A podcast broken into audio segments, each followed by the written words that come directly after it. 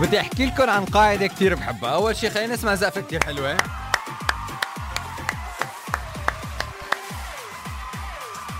شو حلو؟ بلش.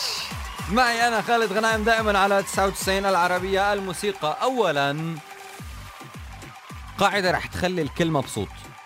أو بالأحرى قاعدة رح تخلينا ننبسط صح؟ ونزعل صح؟ ما في شيء اسمه ما بصير نزعل أو ما رح نزعل. لا مشان نفسيتنا بتتعب على فكرة. حلو الواحد يزعل لازم بحاجة النفس أوقات تزعل وبحاجة أوقات النفس إنه تفرح. هذا شيء طبيعي جدا ولكن لازم نفرح صح؟ ونزعل صح؟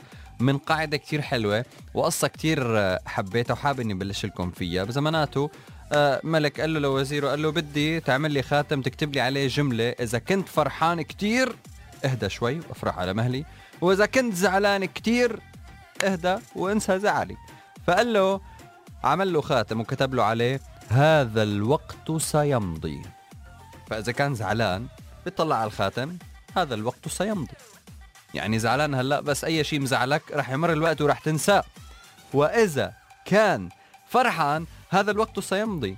مش عم نقول إنه ما نفرح لا لازم نفرح بس لازم نعرف إنه نفرح شوي شوي لأنه الدنيا بتلف وبتدور وبتروح وبترجع وبتطلع وبتنزل.